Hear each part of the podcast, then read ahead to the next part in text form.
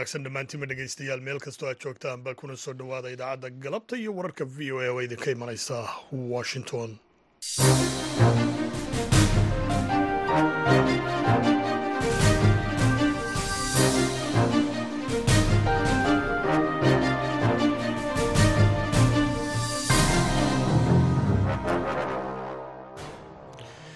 waa galabnimo khamiisa taarikhduna ay tahay labada bisha march ee sanadka laba kun iyo saddexiyo labaatan waxaad naga dhagaysanaysaan muujadaha gaagaabana lix iyo tobanka iyo sagaal iyo tobanka mitirban iyo weliba guud ahaanba dunidood nagala socotaan boggayaga v o a somali com. Haatan dhegaystayaal saacadda afrikada bari waxay tilmaamaysaa afartii galabnimo idaacaddana waxaa halkan idinkala socodsiin doona. Aniga oo ah cabdixakiin maxamuud shirwac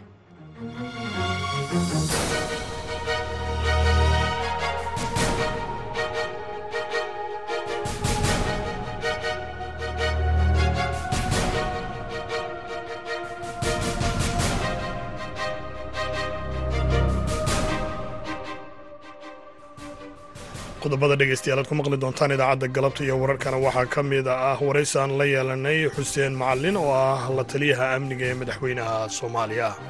Shir madaxeedka guulu ku dhammaaday dabcan ciidamada safka waddamada safka hore atmisna waa ku jiraan laakiin ciidamada la soo diraayo oo howlgalkan hadda galaya waa ciidamo aan atmis ahayn.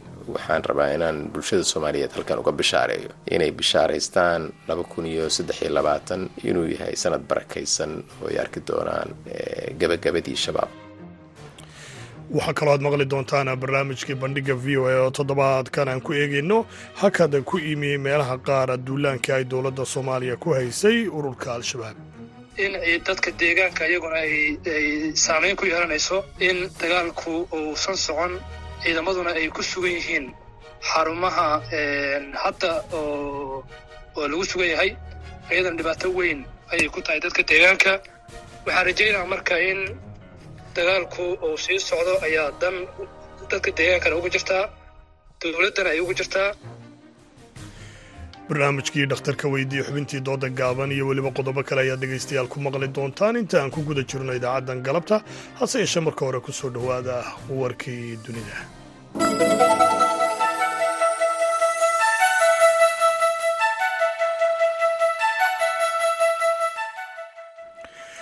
Mas'uuliyiinta dalka ukrain ayaa maanta sheegay in gantaal uu ruushku soo tuuray oo ku dhacay. Dhisma ay dadegan yihiin oo ku yaalla magaalada koonfurta dalkaasi ku taalla saborisia islamarkaana ay ku dhinteen ugu yaraan saddex qof. Madaxweynaha dalkaasi ukrain valadimir zelenski ayaa barta telegramka isaguna ku sheegay in gantaalku uu burburiyey dabaqa saddexaad ee dhismahaasi islamarkaana haatan dadaalla dadka lagu baadigoobaya ay socdaan militariga dalka ukrain ayaa iyaguna maanta sheegay in ciidamada ruushku ay sii wadaan inay ku soo ruqaansadaan. Islamarkaana ay soo galaan magaalada bakhmuud taasoo muddo bila ah uu dagaal ka socday. Wasiirada arrimaha dibadda ee dalalka la isku yidhaahdo g labaatan ayaa maanta kulan ku yeeshay magaalada caasimadda waa dalka indiya ee new delhi iyadoo uu ra'iisul wasaaraha dalka indiya narendra modi uu ku booriyey dalalkaasi kulmaya inay wada shaqeeyaan. Xataa haddii aanay isku fikir ka ahayn arrimaha qaar. Isagoo sheegay in dunidu ay soo eegayso in dalalkan g labaatan ay ka hadlaan. Arrimaha kobaca horumarka dhaqaalaha u adkaysiga masiibooyinka xasiloonida maaliyadeed musuq maasuqa argagixisada cuntada iyo weliba sugnaanta tamarta kulanka ayaa imanaya xilli ay xiisada dunida ka aloosan. Ayuu sii kiciyey dagaalka ka socda dalka ukrain iyadoo wasiirada arrimaha dibadda ee dalalka maraykanka waa antony blinken wasiirka arrimaha dibadda ee ruushka sergey lafrof iyo weliba wasiirka arrimaha dibadda shiina kingang ay ka mid yihiin mas'uuliyiinta shirkaasi dalka indiya ka socda ka qeybgalaya gabagabadiina maamulaha xarunta tareenada laga raaco ee dalka griega ayaa maanta hortegaya dacwada ogaha dalkaasi. Xilli waddankaasi uu la murugaysan yahay tareen ay la socdeen dad rakaab ah iyo weliba mid sidii xamuul oo isku dhacay. Shilkaas oo ay ku dhinteen ugu yaraan saddex iyo afartan qof sidoo kalena ay ku dhaawacmeen shan iyo siddeetan kale shilkan ayaa salaasadii ka dhacay meel u dhow magaalada tembe oo qiyaastii saddex boqol iyo siddeetan kilomitir dhinaca waqooyi kaga beegan. Magaalada caasimada dalkaasi griiga waa atenis ra'iisul wasaaraha dalkaasi griega karyakos mitokakis ayaa khudbad uu telefishinka ka jeediyey arbacadii xilli uu booqday galabta goobta uu shilkaasi ka dhacay ku sheegay in waxaa sababay masiibadani ay u muuqato inay tahay qarad aadamaha ka yimi isagoo ballan qaaday in si buuxda loo baari doono sidoo kale wasiirkii gaadiidka ee dalkaasi ee costas caramonalis ayaa isaguna arbacadiis xasilay islamarkaana qaatay mas'uuliyadda shilkaasi. Dhegeystayaal warkii dunidana waa naga intaasi. Haatanna u diyaar garooba qaybaha kale idaacadda galabta iyo wararka v o a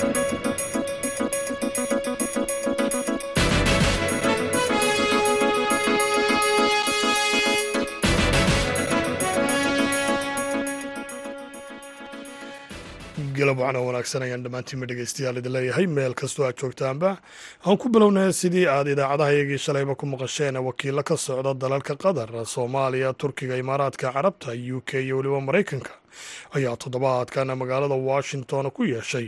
Shir ay soomaaliya hogaaminaysay oo lagaga hadlayay arrimaha muhiimka u ah soomaaliya sida abaaraha cimilada dowlad dhiska dib u heshiisiinta dib u dhiska ciidanka xasilinta deegaanada laga qabto shabaab iyo weliba amniga xalay ayaa haaruun macruuf waxa washington ku waraystay la taliyaha amniga qaranka madaxweynaha soomaaliya xuseen sheekh cali oo ka mid ahaa madaxda soomaaliya ku matalaysa shirkaasi waxaana ugu horreyn weydiiyey qodobada ugu waaweyn ee ka soo baxay shirkaasi. Waxaa ugu weynaa runtii in si dhammaystiran looga caawiyo la dagaalanka aan hadda kula jirno shabaab oo ay horena nooga caawin jireen laakiin hadda si iska warqab dhow ah oo ay maaragtay dhaqaalahoodii ku midaynayaan in ay cunaqabataynta hubka ay maaragtay nagala shaqaynayaan wadajir ayagoo ah in sanadkan laga qaado soomaaliya oo runtii ah guul weyn dowlado intaas ah inay soomaaliya hadda waa idinla garab taaganaha sidii laydinkaga qaadayo horey waxaa uu nala garab taagnaan jira oo si banaanka u soo dhigi jiray african unionka laakiin in dowlado ku jira golaha amniga inay hadda leeyihiin waa idinla garab taaganahay waa guul weyn oo soomaaliya u soo hoyatay. Arrimaha stabilizationka oo dhulka laga bixiya shabaab dee dabcan oo baahi badan ay soomaaliya u qabto in maaragtay dowladda soomaaliya in ay tuulooyinkii iyo degaamadii dhaqaalo maaragtay fiican la geeyo dowladnimada la geeyo. Iyo arrimahan cimilada oo runtii si daqiiqa looga hadlay la dhiso resilienska ama adkaysiga in abaaraha iyo daadadka iyo aysan soomaaliya aysan u nuglaanin arrinta cunaqabateyntaad ka hadashay labada kun iyo saddexiyo tobankii oo kale waa laga khafiifiyey soomaaliya. Hub yar baa loo ogolaa hubka fudud inay soo gadato. Goormaad filaysaan hadda cunaqabateyntan in la qaado soomaaliya. Cunaqabateynta qaadisteeda ay idinka caawinayaanna dhammaan miyaa wixii cunaqabateyn ee xayiraadee saarna inay soomaaliya hub hesho ama soo iibsato? Haddii aad aragtay qoraalka oo warfaafinta lala wadaagay waxaa ku taalay fuli dhammaan. Kii horena wuxuu ahaa partial qeyb ayaa nagala qaaday. Qeybtii dee waa ku soo meel marnay haddana waxaa nalala garab taagan yahay. Markii koowaad dowlado ku jira golaha amniga qaranka ammaanka qaranka inay loobigeeda iyo garab istaageedii banaanka la yimaadaan marka goormaad filaysaan in soomaaliya laga qaado cunaqabateynta waxay sanad walba november ayaa loo fadhiistaa. Marka sanadkan ayaan filaynaa dabcan howlo badan oo dowladda soomaaliyeed u taallaa jirta oo shaqo ah. Xaggeenana maaragtay waxaan hadda golaha wasiiradu ay magacaabeen guddi heer wasiiro ah oo arintaas kormeera korjoogteeya iyo guddiyo farsamo oo iyana ka shaqeeya waxaan loo yaqaana benchmarka ama maaragtay tallaabooyinka la rabo in la gaaro si aan november ula tagno wax maaragtay dunidu aqbali karto. Maxaa ka mid a tallaabooyinkaas tallaabooyinka waxaa ka mid ah in qaabka aan u maareynayno hubka registrationkeeda. Waxaa ka mid a maaragtay bakhaarada hubka lagu kaydiyo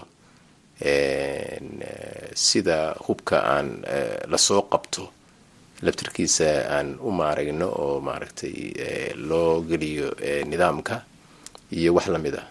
Waay dhowaan shir baa ka dhacay magaalada muqdisho shir madaxeed waddamada safka hore soomaaliyana ay martigelisay.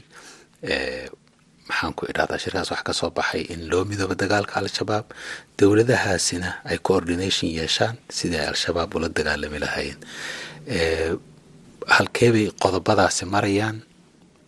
Maxay ka filanaysaa dowladda soomaaliya wadamadan safka horaa waa mahadsan tahay shirkaas wuxuu ahaa shir runtii aada maaragtay soomaaliya iyo iyo dariskuba ay u muujiyeen in cadowga shabaab uu cadow gidigeen dhibaatada isku mid a nagu haya ah dabcan maska madaxiisa wuxuu yaalaa soomaaliya laakiin meelaha kalena dabadiisu ku walaaqaa marka arrintaas waa la isla qaatay shir madaxeedka guulu ku dhammaaday farsamadii iyo ciidankii taliyayaashii ayaa addis ababa iyo nairobiba isku arkay. Kulankii nairobi waxaa lagu soo dhammaystiray qorshihii howlgalka qorshaha howlgalka marka waa qorsho dee dabcan aan hadda la faahfaahin karin iyo sida uu noqonayo. Laakiin waa howlgal deg deg ah oo isbuucyo gudahood uu bilaaban doono. Marka intaas ayaan la wadaagi karaa hadda warbaahinta. Marka howlgalkani ma waddamada safka horaa ma atmisba waa ciidamo waddamada safka hore ah dabcan ciidamada safka waddamada safka hore atmisna waa ku jiraan laakiin ciidamada la soo diraayo oo howlgalkan hadda galaya waa ciidamo aan atmis ahayn. Waa imise wadan baa soo diraya ciidamada intay leegihin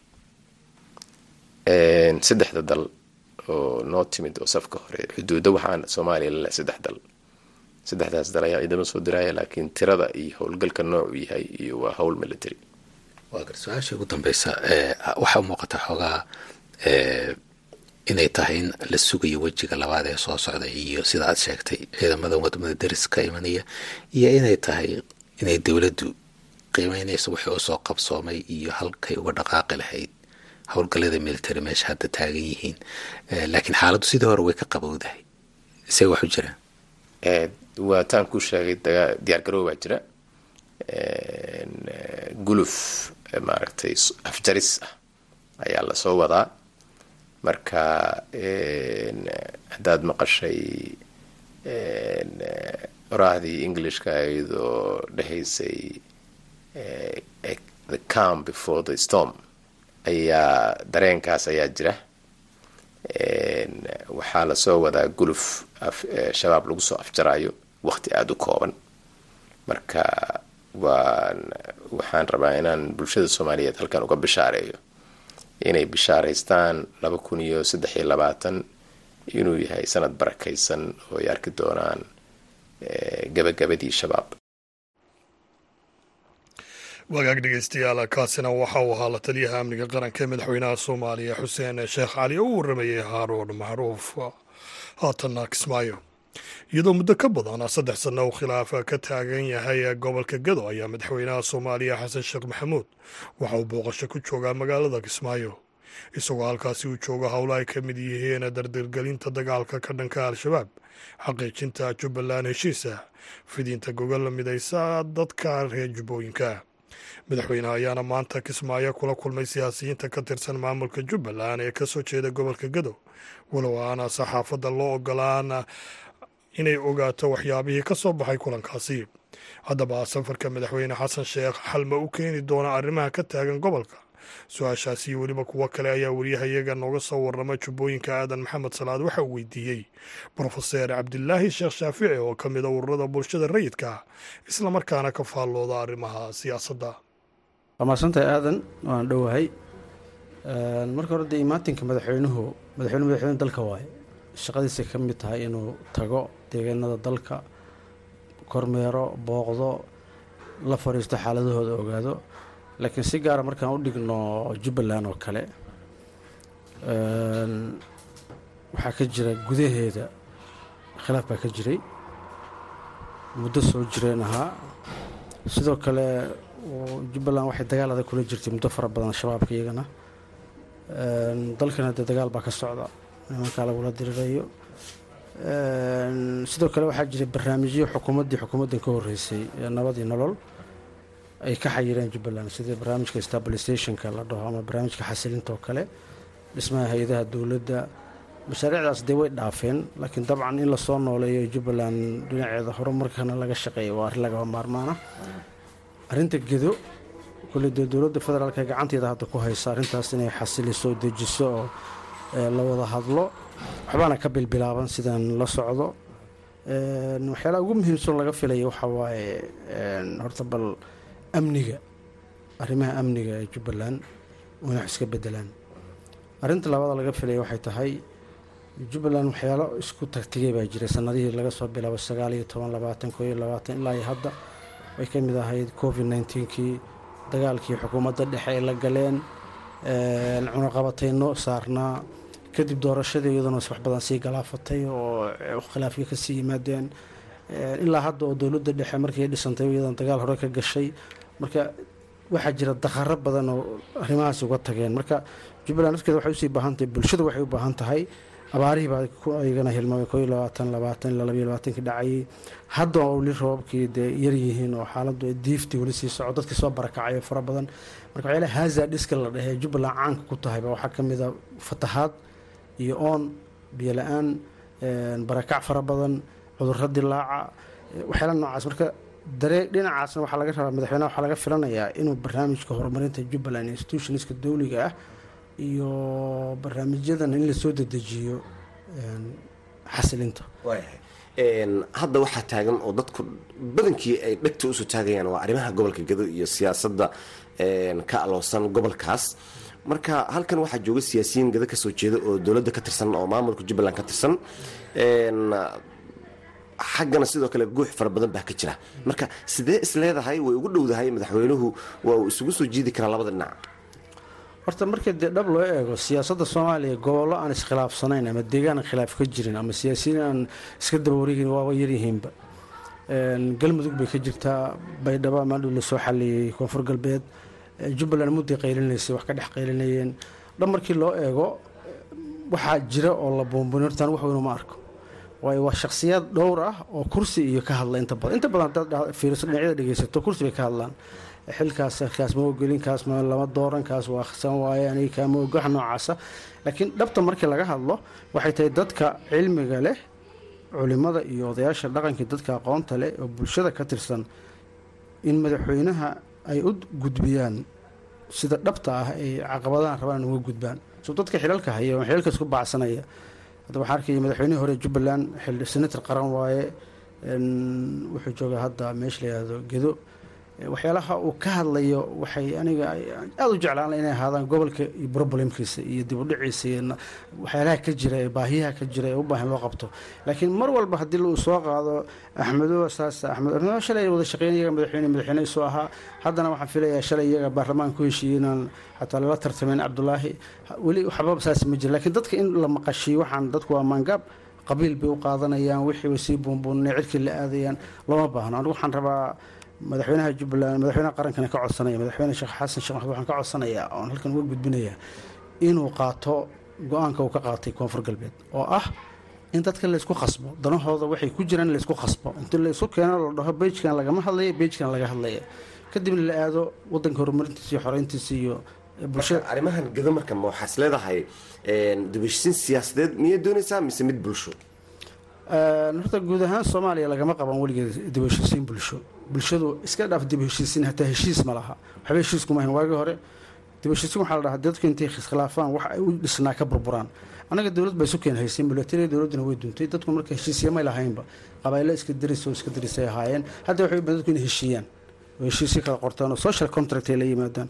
Sidoo kale waxay u baahan tahay dalkan dastuurkii in la dhammaystiro dastuurkuna uu kala hago awoodaha kala qeexo taamka doorashada ka qeexo federaalka la caddeeyo khayraadka wadanka la cadeeyo sida loo qaybsanayo. Waxay u baahan tahay siyaasiyiin siyaasadeed oo dadkan siyaasiyiinta isbacsanaya garoonay ku ciyaaraan loo sameeya bulshada ahayn. Waayo dadku shacabku dhimanaya. Soomaaliyada waxaa laysku hayaa macaluul baa qarka u saaran tahay uma saarnay bal macaluul yeynaan dhihine sidana u dadku waa la caawin karaa. Infact waa lagu guulaysa labaiy labaatankii hawl fiican baa la qabtay hadda laakiin haddii aan sidii la yeeli tusaale hirshabeelle iyo koonfur galbeed dhul badan baa la xoreeyey dhulkii ilaa hadda stabilisation lagama samayn.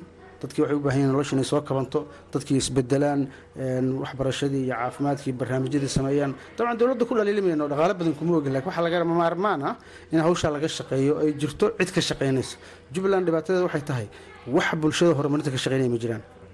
Madaxdii way is haystaan ma kala baxayaan ma heshiinayaan. Maalin walba laga yaba inay hotelada isugu tagaan xamar iyo ku wada qadeeyeen laakiin waxba ka soo bixin. Haddana berrida cadaa ka maqashid marka waxaan odhan lahaa madaxda siyaasadda calaamadaha loogu sameeyo calaamadaha jira maogtahay ca- matalan traffic science baa jira baabuurta waddada ka leexato jidkaa lama mari karo kaa lama geli karo wax noocaasa ama garoomada kubadda lagu ciyaaro oo kale.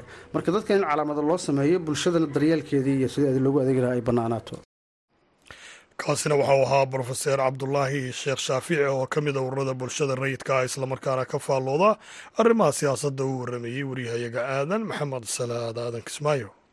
Haatana dhegeystayaal ku soo dhowaada barnaamijka bandhiga v o a oo toddobaadkana aan ku eegayno hakad ku imi meelaha qaara duulaanka ee dowladda soomaaliya ku haysay ururka al-shabaab iyo weliba saameynta uu ku yeelan karo dhulkii hore looga xoreeyey.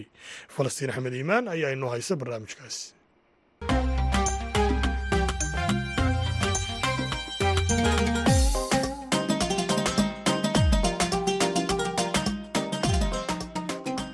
bartamihii sannadkii hore waxaa qaybo ka mida soomaaliya ka socday dagaalada ka dhanka al-shabaab oo ay hormuud u ahaayeen dadka deegaanka. Dagaaladaasi ayaa hakad uu ku yimid muddo ku dhow bil iyo bar. Hakadkan ayaa waxa uu culays ku hayaa dadka deegaanka iyo ciidamada dagaalka kula jira al-shabaab. Saraakiil waayo aragnimo ciidan leh ayaa v o e-da la wadaagay in ciidamadu ay heegan joogto ah ku jiraan taana ay uga fiicnaan lahayd inay dagaal kula jiraan al-shabaab. Furimaha ay dagaaladu ku istaageen waxaa ka mid ah deegaanada maamulada hirshabeelle iyo galmudug. Xildhibaan maxamed cabduqaadir maxamed waxa uu ka mid yahay golaha shacabka ee baarlamaanka soomaaliya sidoo kalena waxa uu waaye aragnimo u leeyahay howlaha ciidanka isagoo ka mid ahaa mas'uuliyiintii furumaha dagaalka tegay intii uu dagaalku socday. Waxa aan weydiiyey culayska ay deegaanada shacabka is-abaabule iyo ciidankaba ay ku qabaan hakadkan balsin aad umahadsan tahay howlgallada mar walba ay hakadaan. Deegaanadii marka hore cadowga laga xoreeyey mar walba colays ayay u keenaysa hadday ahaan layd hiiraan iyo hadday ahaan layd galmudugba iyo ama shabeellada dhexaba ama hirshabelle ama galmudug guud ahaan sidaasana warku dhigan. Colaysku waxay keenayaan marka koowaad waxay fursad u helayaan cadowga inay ka soo abaabulaan waxay fursad u helayaan dhibaatooyinkii ku dhaca inay ka soo kabsadaan. Mar walba ay fursad helaan xitaa saacad ha ahaatee cadowga waxay u tahay fursad weyn marka culays baan dareemaynaa oo waxaan culays ku dareemaynaa waxay tahay deegaanadii baaxadda weynaay oo la xoreeyo cadowga laga xoreeyey ayay waxay ku barasgaraynayaan dadka inay haddana mar labaad ay soo laaban karaan. Ayayna ma aragta cabsigelina way ku samaynayaan meelaha qaarna waad aragtay hadda isbuucyadii la soo dhaafay inay soo weerareen lagana guul helo dadka deegaanka iyo dowladda iskaashanayo laiska difaacay sidoo kale deegaano ka mida gobollada galgaduud iyo mudug ayaa ka mida goobaha ay dagaaladu hakadka galeen waxaana deegaanadan dul saaran ciidamo kala duwan iyadoo ciidamadii deegaankana ay ku jiraan difaac habeen iyo maalin ah sida uu sharxayo kusamihii hore ee hay'adda nabad sugidda qaranka. Haddana ah xildhibaan ka soo jeeda deegaanadan ay dagaaladu ku istaageen ee galmudug yaasiin cabdulaahi maxamuud. Dhibaato weyn ayay ku keeni kartaa ciidanka ciidamada qalabka sida iyo ciidamada deegaanka iyo guud ahaan dadka deegaanka maxaa yeelay dagaalkan wuxuu uga duwan yahay dagaaladii hore in ay isgarabsanayaan ciidamadii deegaanka iyo ciidamadii qalabka sida. Waxaan marka jiro in haddii mar walba oo dagaalku socdo nimankaas ay jabayaan aysan awood u lahayn inay hor istaagaan ama ay ay ay waxyeelada iska difaacaan ciidamada qalabka sida iyo dadka deegaanku isgarabsanayo haddii difaac loo galo difaacaas uu muddo dheeraado waxa ka dhalan kara waxaa weeye in ciidamadu ay ku caajisaan ay ku daalaan difaaca kadibna cadowgu uu ka faa'iidaysto in dadka deegaanka iyaguna ay ay saameyn ku yeelanayso in dagaalku uusan socon ciidamaduna ay ku sugan yihiin xarumaha hadda oo lagu sugan yahay iyadana dhibaato weyn ayay ku tahay dadka deegaanka. Waxaan rajaynaa marka in dagaalku uu sii socdo ayaa dan dadka deegaankana uga jirtaa dowladdana ay uga jirtaa dagaalkana waxaa keliya uu ka duwan yahay dagaaladii hore ee hore loo soo maray. Waxaa weeye dagaal ay ay isku garabsanayaan ciidamadii qalabka sida iyo dadkii deegaanka marka waxaan leeyahay oo rajaynayaa in ay meesha laga saaro in ciidanku ay wakti dheer ay ku sugnaadaan difaacyo maxaa yeelay ciidankana caqabaday ku tahay dadka deegaankana caqabaday ku tahay isla ciidamada qaybtan ka ah howlgalka oo deegaankana dhibaatay ku tahay in uu difaacu uu dheeraado ciidanku ay wakti badan ay difaac ku jiraan kasakoo culayska uu hakadkani ku yimid dagaalkii ka dhankaha al-shabaab uu ku yeeshay deegaanka iyo ciidamadaba.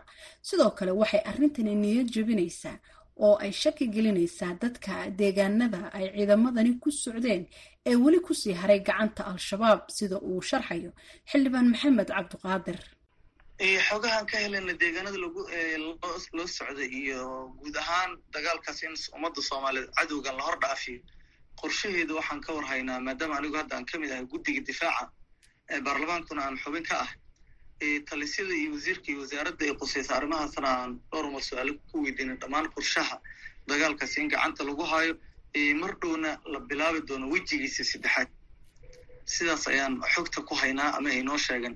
Guud ahaan deegaanadii la hayna hadda gacanta ayaa lagu haya in culeyska laga sii qaado mar walba howlgalka uu bilowdo waxaa nafis ku helay deegaanadii markii hore la xoreeyay cadowguna uu ka sii sakanayaa cadowguna fursad uma helay uu ku soo weeraray deegaanadii hore.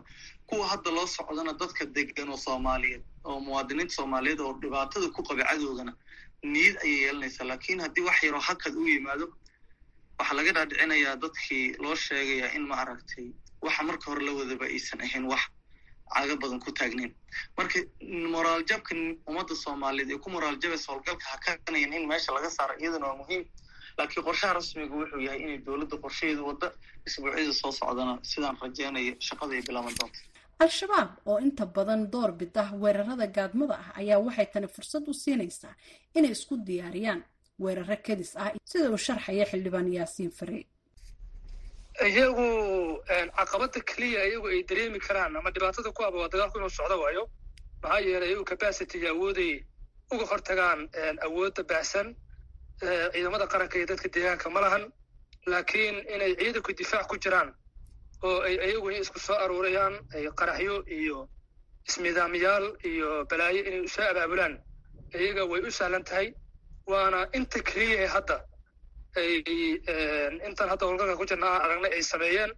Laakiin ma dhicin in ciidan iyo ciidanka xoogga dalka iyo dadka deegaanka isla socdo inay argagixisadu ay la dagaalamaan. Maba dhicinba. Mar walba waa meel walba uga baxaan.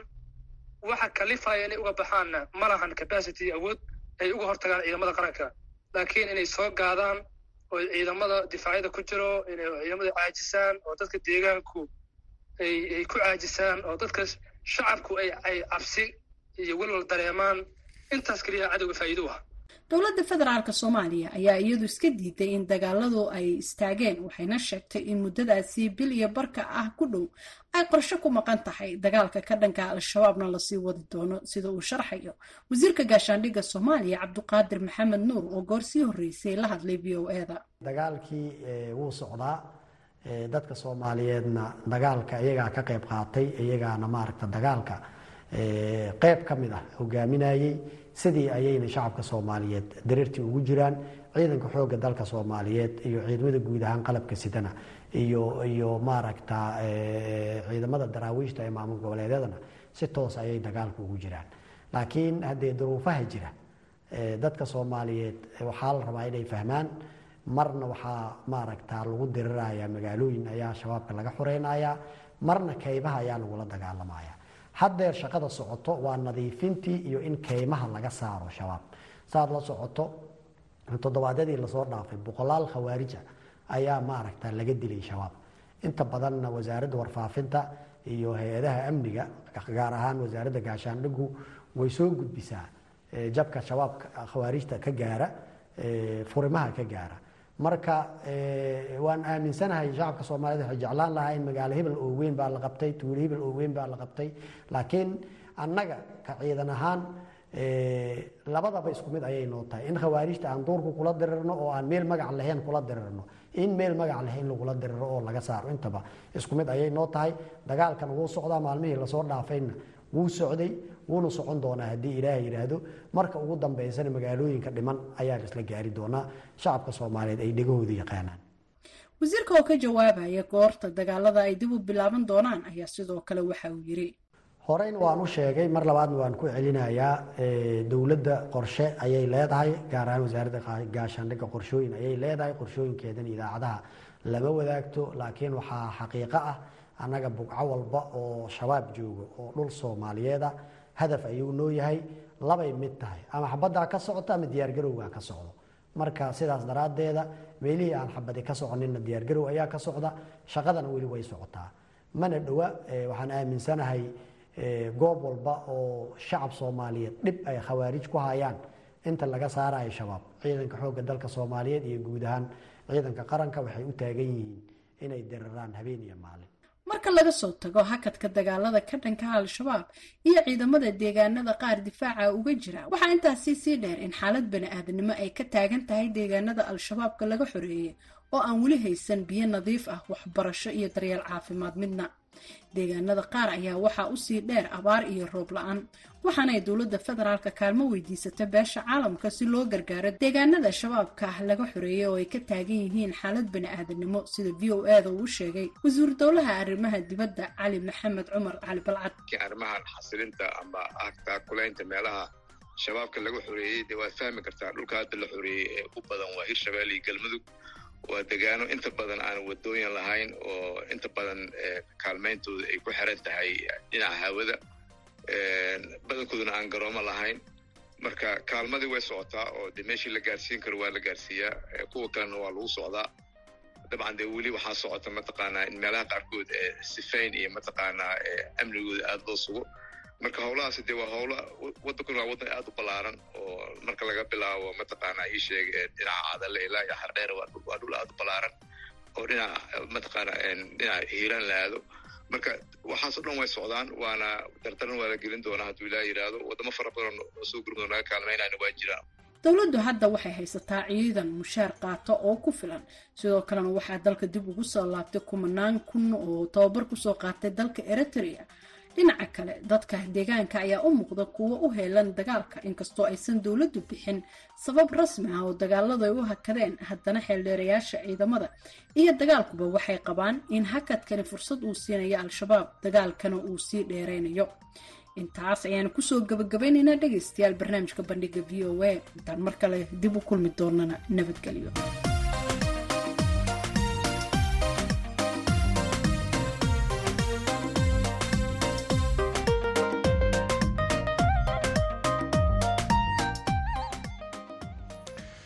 barnaamijkaasina dhegeystayaal waxay noo soo diyaarisay islamarkaana inoo soo jeedinaysay falastiin axmed iimaan.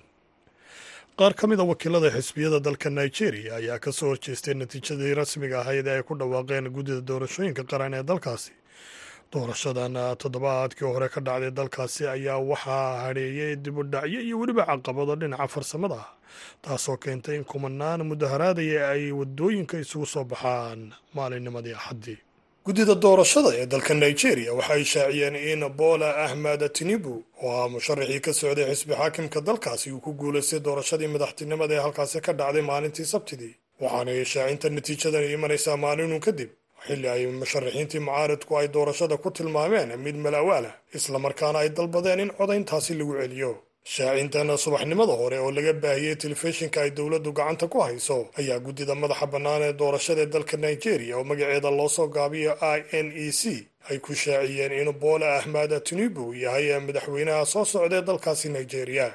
Guddoomiyaha guddida doorashada maxamuud yakubu ayaa sheegay in tinibu uu helay ilaa iyo siddeed milyan iyo siddeed boqol oo kun cod si uu ugu guulaysto badi inta badan tartankii ugu muhiimsanaa ee lagu loolamay. Tan iyo markii nigeria ay noqotay dimuqraadi musharaxiinta ugu waaweyn ee la tartamayay ayaa kala ahaa atiku abubakar oo ka sharaxnaa xisbiga p d p iyo peter obay oo ka sharaxnaa xisbiga shaqaalaha.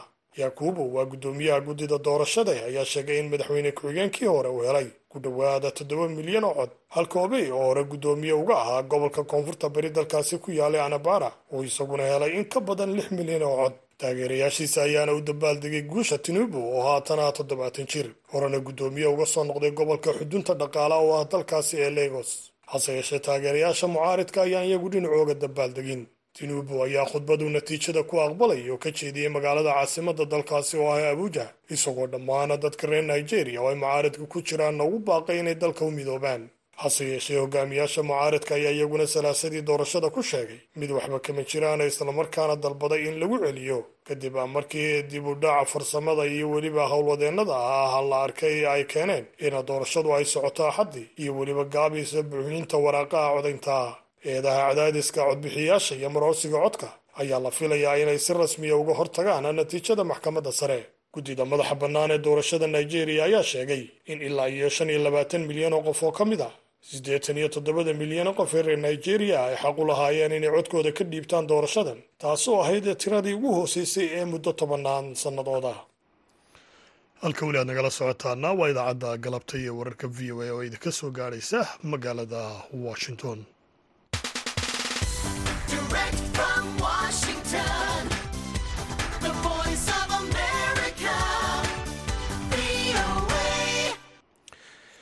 haatana dhegaystayaal ku soo dhowaada xubintii dooda gaaban oo inoo hayo xuseen xasan dhaqane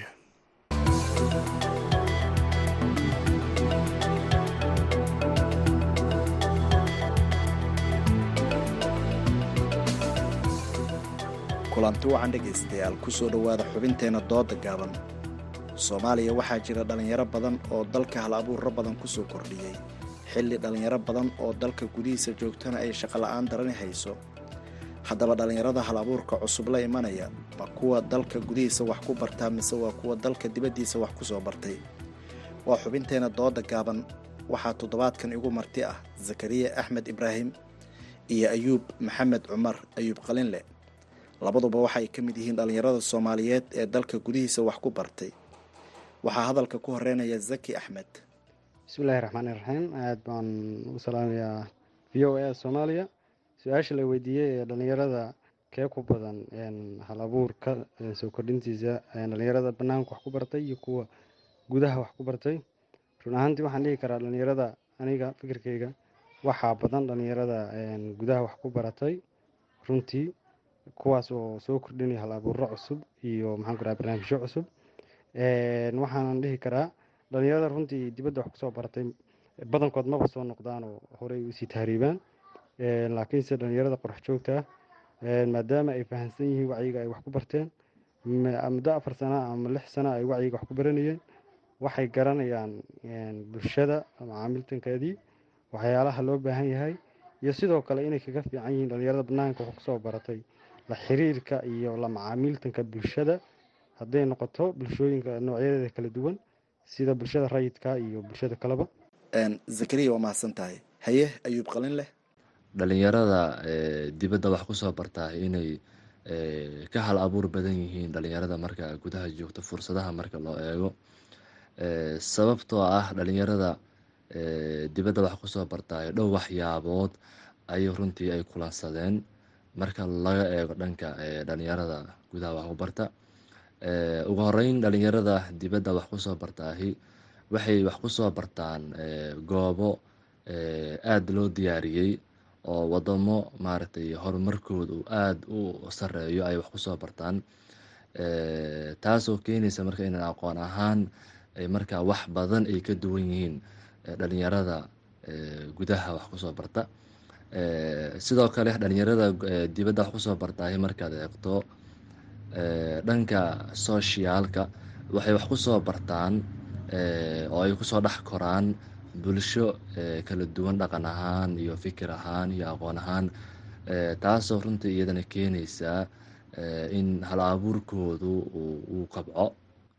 Sidoo kale dhalinyarada dibadda wax ku soo barta waxyaabaha saa-idaya ani ahaanaan qabo waxaa qeyb ka ah waxay markaa goobjoog ay u soo noqdaan muddadaas shanta sana ah ama inta ka badan ay markaa ay wax ku soo baranayaan dibadda. Hal abuuro kala duwan oo markaas ay soo arkeen iyagoo la as-aasayo kuwa as-aasan qaabkii loo as-aasay iyo wixii la mid eh markii wadankii dib ay gudaha ugu soo laabtaanne inay arkaan fursado badan oo runtii maaragtay ay ka maqan oo ay dibadda ku soo arkeen oo marka ay sidaa hal abuuro badan u sameeyaan. Marka dhalinyarada runtii gudaha joogta hal abuur way sameeyaan oo de anima laakiin waxaan aaminsanahay in dhalinyarada dibadda ku soo bartahay ay markaa ka fursad maaragtay badan yihiin. Sababtoo dhalinyarada gudaha joogtaa wadanka markaa aada aan u horumarsanayn waxbarashadii laftirkeeda oo pillars of educationka ama tiirarka tacliinta afarta waxyaabood ah oo ayadana markaa gaabis ku jira oo runtii ayadana broblem ah taasaan qabaa in dhalinyarada gudaha ay broblem ay ku keenayso in hal abuurkoodu markaa uu aada u guuleysto boqolkiiba boqol. Waa mahadsan tahay ayuub qalinle. Zakariya sida aada maqlaysid saaxiibka ayuub qalinle waxa uu leeyahay aqoon iyo fursad la abuuraba. Mar walba waxaa ku horreeya dhalinyarada dalka dibaddiisa wax ku soo baratay haye adiga? Run ahaantii ayuub saaxiibkay doodiisa anugu dhanka kalean ka taaganahay waxaana weli aaminsanahay inay dhalinyarada wadanka gudihiisa wax ku barto ee ay ka hal abuur badan yihiin dhalinyarada wadanka banaankiisa wax ku barto run ahaantii dhalinyarada wadanka gudahiisa wax ku barto aada ayay u fara badan yihiin. Sidoo kale kuwa wadanka banaankiisa wax ku soo bartana waa tiro yar markii la fiirsho nambarka gudaha wax ku barto run ahaantii. Sidoo kale dhalinyarada wadanka gudihiisa wax ku barto waxay dheeryihiin dhalinyarada wadanka banaankiisa wax ku barto. Waxay fahamsan yihiin saan horeyba u sheegay.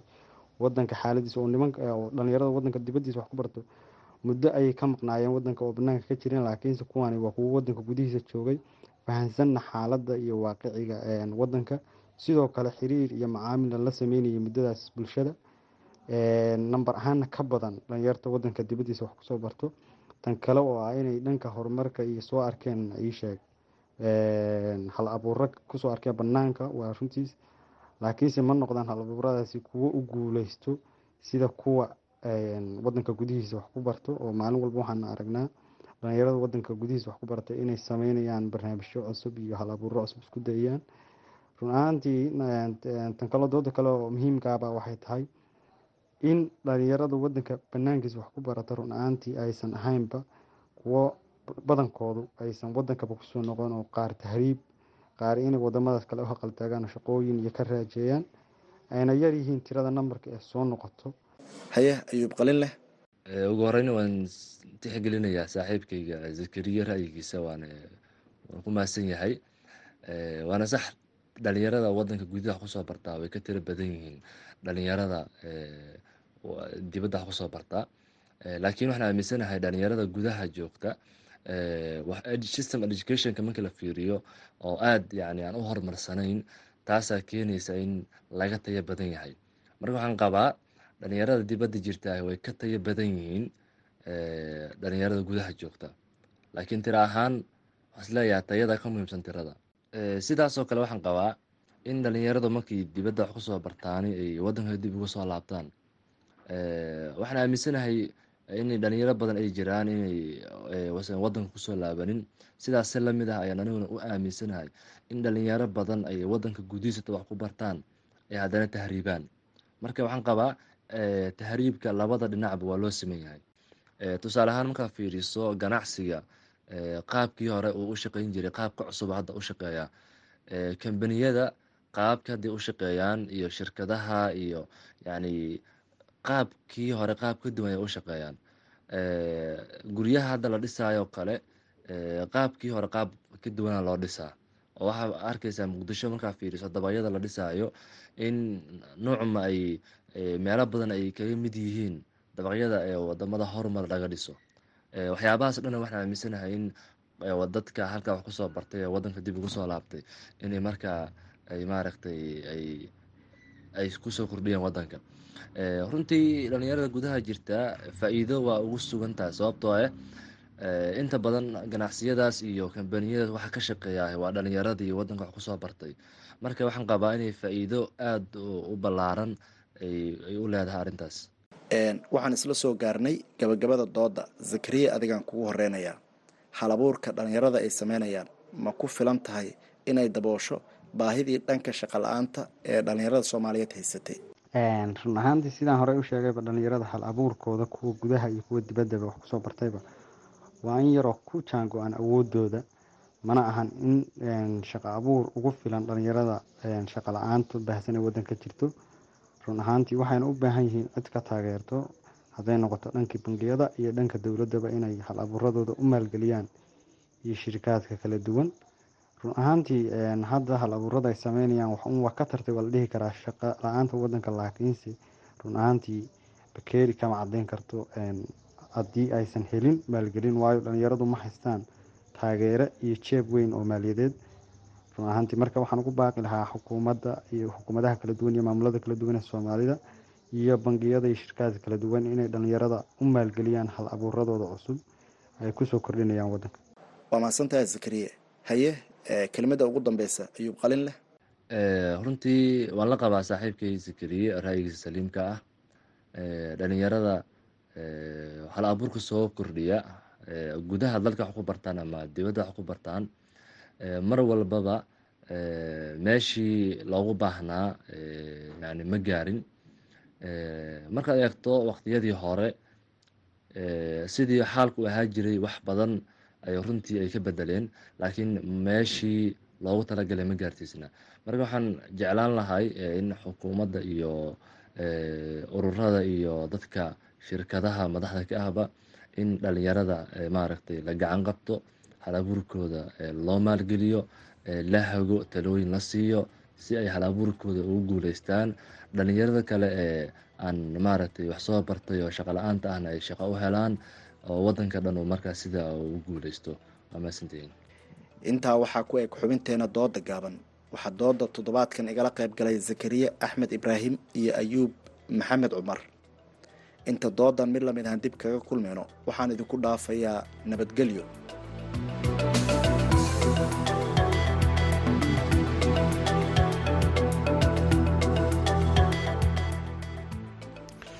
Xubintaasi dooda gaabanna waxaa magaalada beledweyne noogu soo diyaariyey wariyahayaga xuseen xasan dhaqane. Haatana dhegeystayaal ku soo dhowaada barnaamijkii weydii dhakhtarka oo inoo hayo ibraahim xasan daandurey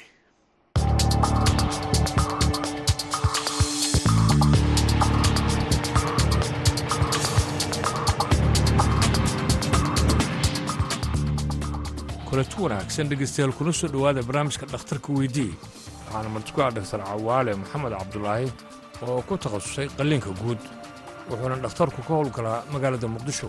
Dhakhtarka ayaa marka hore waxa uu ka hadlayaa inta nuuc u kala baxo qalliinka guud. Qalliinka guud wuu noocyo badan yahay. Qalliinka magaca guud marka laga hadlaayo waxaa lagu sameeyaa jirka qeyb kastoo ka mida jirka ayaa lagu sameeyaa. Marka laga soo bilaabo madaxa ilaa iyo siday dhahaan suulka ama ciribta meesha ugu dambeyso jirka.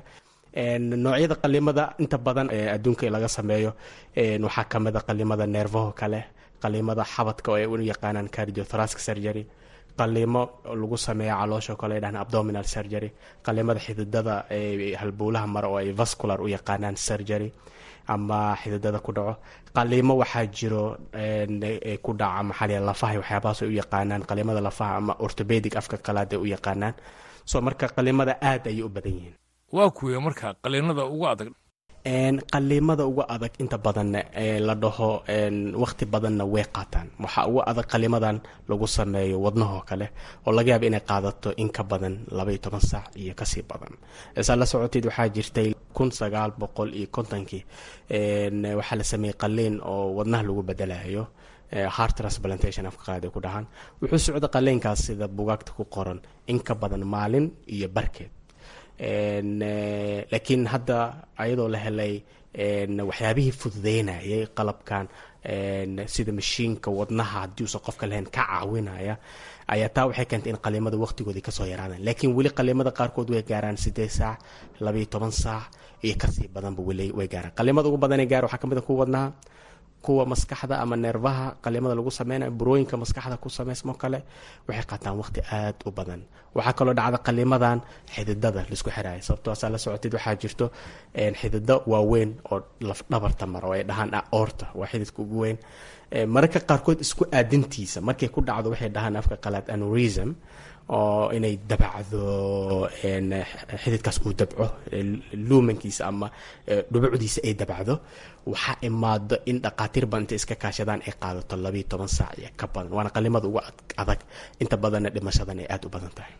Bismillaah magacaygu waa liibaan ibraahim axmed. Joogo magaalada muqdisho. Marka koobaad dhakhtarka waa mahadsan yahi umad iyo v o a ayagana waa mahadsan yihiin barnaamijka. Su'aasha aan weydiina ugu horeysa waxaa waaye horto buro markii la yidhaahdo qalimooyinka guud oo kale buro aa ku jirta la yidhi buro horta maxaa tahay? Maxaase sababi kara burooyinka? Taasoo kale waxaa waaye maxaana sidee seese loo daaweeyaa oo ugu haboon burooyinka qaabkood? Taasaan weydiin laha dhakhtarka waa mahadsantii buro waxaa keena inta badan lama yaqaano. Waxaa jirta culamada inta badan waxay dhahaan qofka inay jug gaartay in wax stimuli chemical reactions jirka isbedelay waxaa kaloo loo sababaya burooyinka inay kaanaan oo kale environmentiga sababtoo hadda dadkii waxaa isbedelaya habdhaqankoodii waagii hore dadka saad ogeed waxaa la isticmaali jiray wax dhulka ka yimaada. Laakiin muddooyinkan dambe waxaa imaantay inay dadka isticmaalaan wax la soo diyaariyey oo preservative oo qofkii la dhahay raashinkan wuxuu dhacayaa shan sano hadda naga dhiman. Maanta la soo saaray shan sano kadib. So chemicalskaas meesha ku jiro inta badan waxay sameyn karaan inay bedelaan unugyada maxaa la yidhaahdaa qaabkii markooda u shaqeynayn inay intay ka bedelaan oo unugyo badan ay soo baxaan. Burada waxaa loo kala saaraa laba nooc mid halis ah iyo mid miskiin ah. Midda halista ah oo inta badan dadka dhibka ku hayso waxaa ka mid a mid ay dhahaan prostatic cancer oo inta badan hadda ragga burada ugu badan ama kansarka ugu badani ku dhaca ay tahay. Dumarkao kale waxaa ku dhaca burada ay dhahaan naasax ama kansarka naasax si guud burada iyo kansarka waa isku wada macno. Macnaa waa barar meel ku yimid waaye. So waxa ugu muhiimsan marka waxay tahay in la ogaado. Maxaa la sameynaya marka la arko?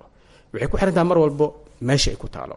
Hadday ku taalo kale jirka hadday ku taalo lafaho kale hadday ku taalo si gooniya loo maamula haddii ku taalo xubnaha caloosha iyo feeraha iyo maskaxda haddii ku taalona si gooni ayaa loo maamulaa meel haddii buro lagu arko mar walba dhib ay ku haysaa. Ama dhiig badanay bixinaysaa ama waxay sameynaysaa qofkii koriimadii waxyaabahaasi ka hortegaysaa ama neeftii waxay ku celinaysaa ama qofkii kaadida ku celina haddii prostatic cancer.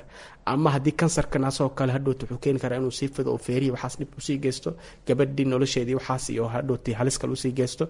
So mar walba waxaa muhiima burada in la helo qof dhakhtar ah oo daaweeya see lagu daaweeya. Waxaa loo baahan waagii hore waxaa burooyinkaas loo daaweyn jiray inuu hal dhakhtar qaliin bas loo daaweyn jiray. Laakiin hadda waa la ilbaxay waxaa la sameeya inta badan in la helo dhaqaatiir ku dhawaad afar ilaa shan dhakhtar si loo helo dhaqaatiirtaas ay wada daaweeyaan. Mid uu daawo siiyo mid uu radiation waxay dhahan ama shuuca uu ku daaweeyo mid uu ku daaweeyo qaliin. Marka intaasoo dhaqaatiira loo baahanya macnaa hal qof keliya ma ma daaweyn karo. Intaasna waxaa ku dhan dhakhtarka weydiiu marti ku ahaa dhaktar cawaale maxamed cabdulaahi oo ku takhasusay qaliinka guud. Dhakhtarkuna wuxuu ka howlgalaa magaalada muqdisho. Intaan mar kale kulmi doonno sidaa iyo nabadgelyo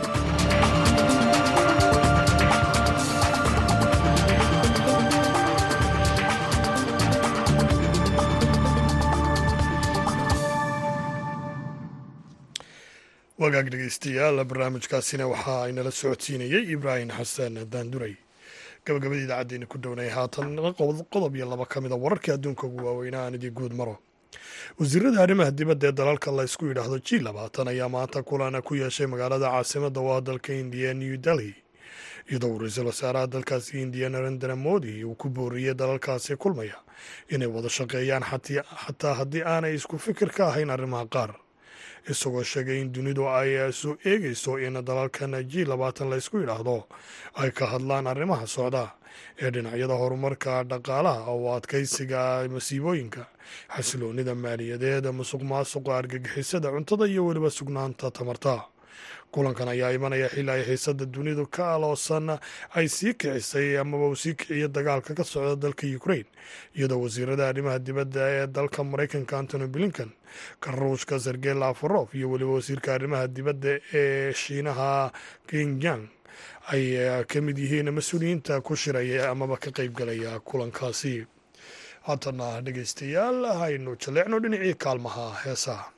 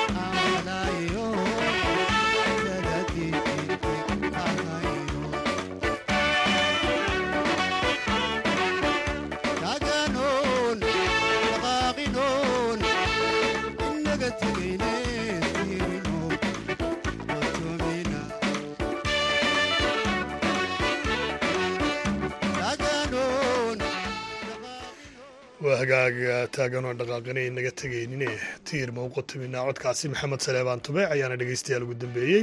Idaacadda galabta iyo wararka v o e tan iyo kulanti dambe waxaan idin leeyahay saayo nabadgelyo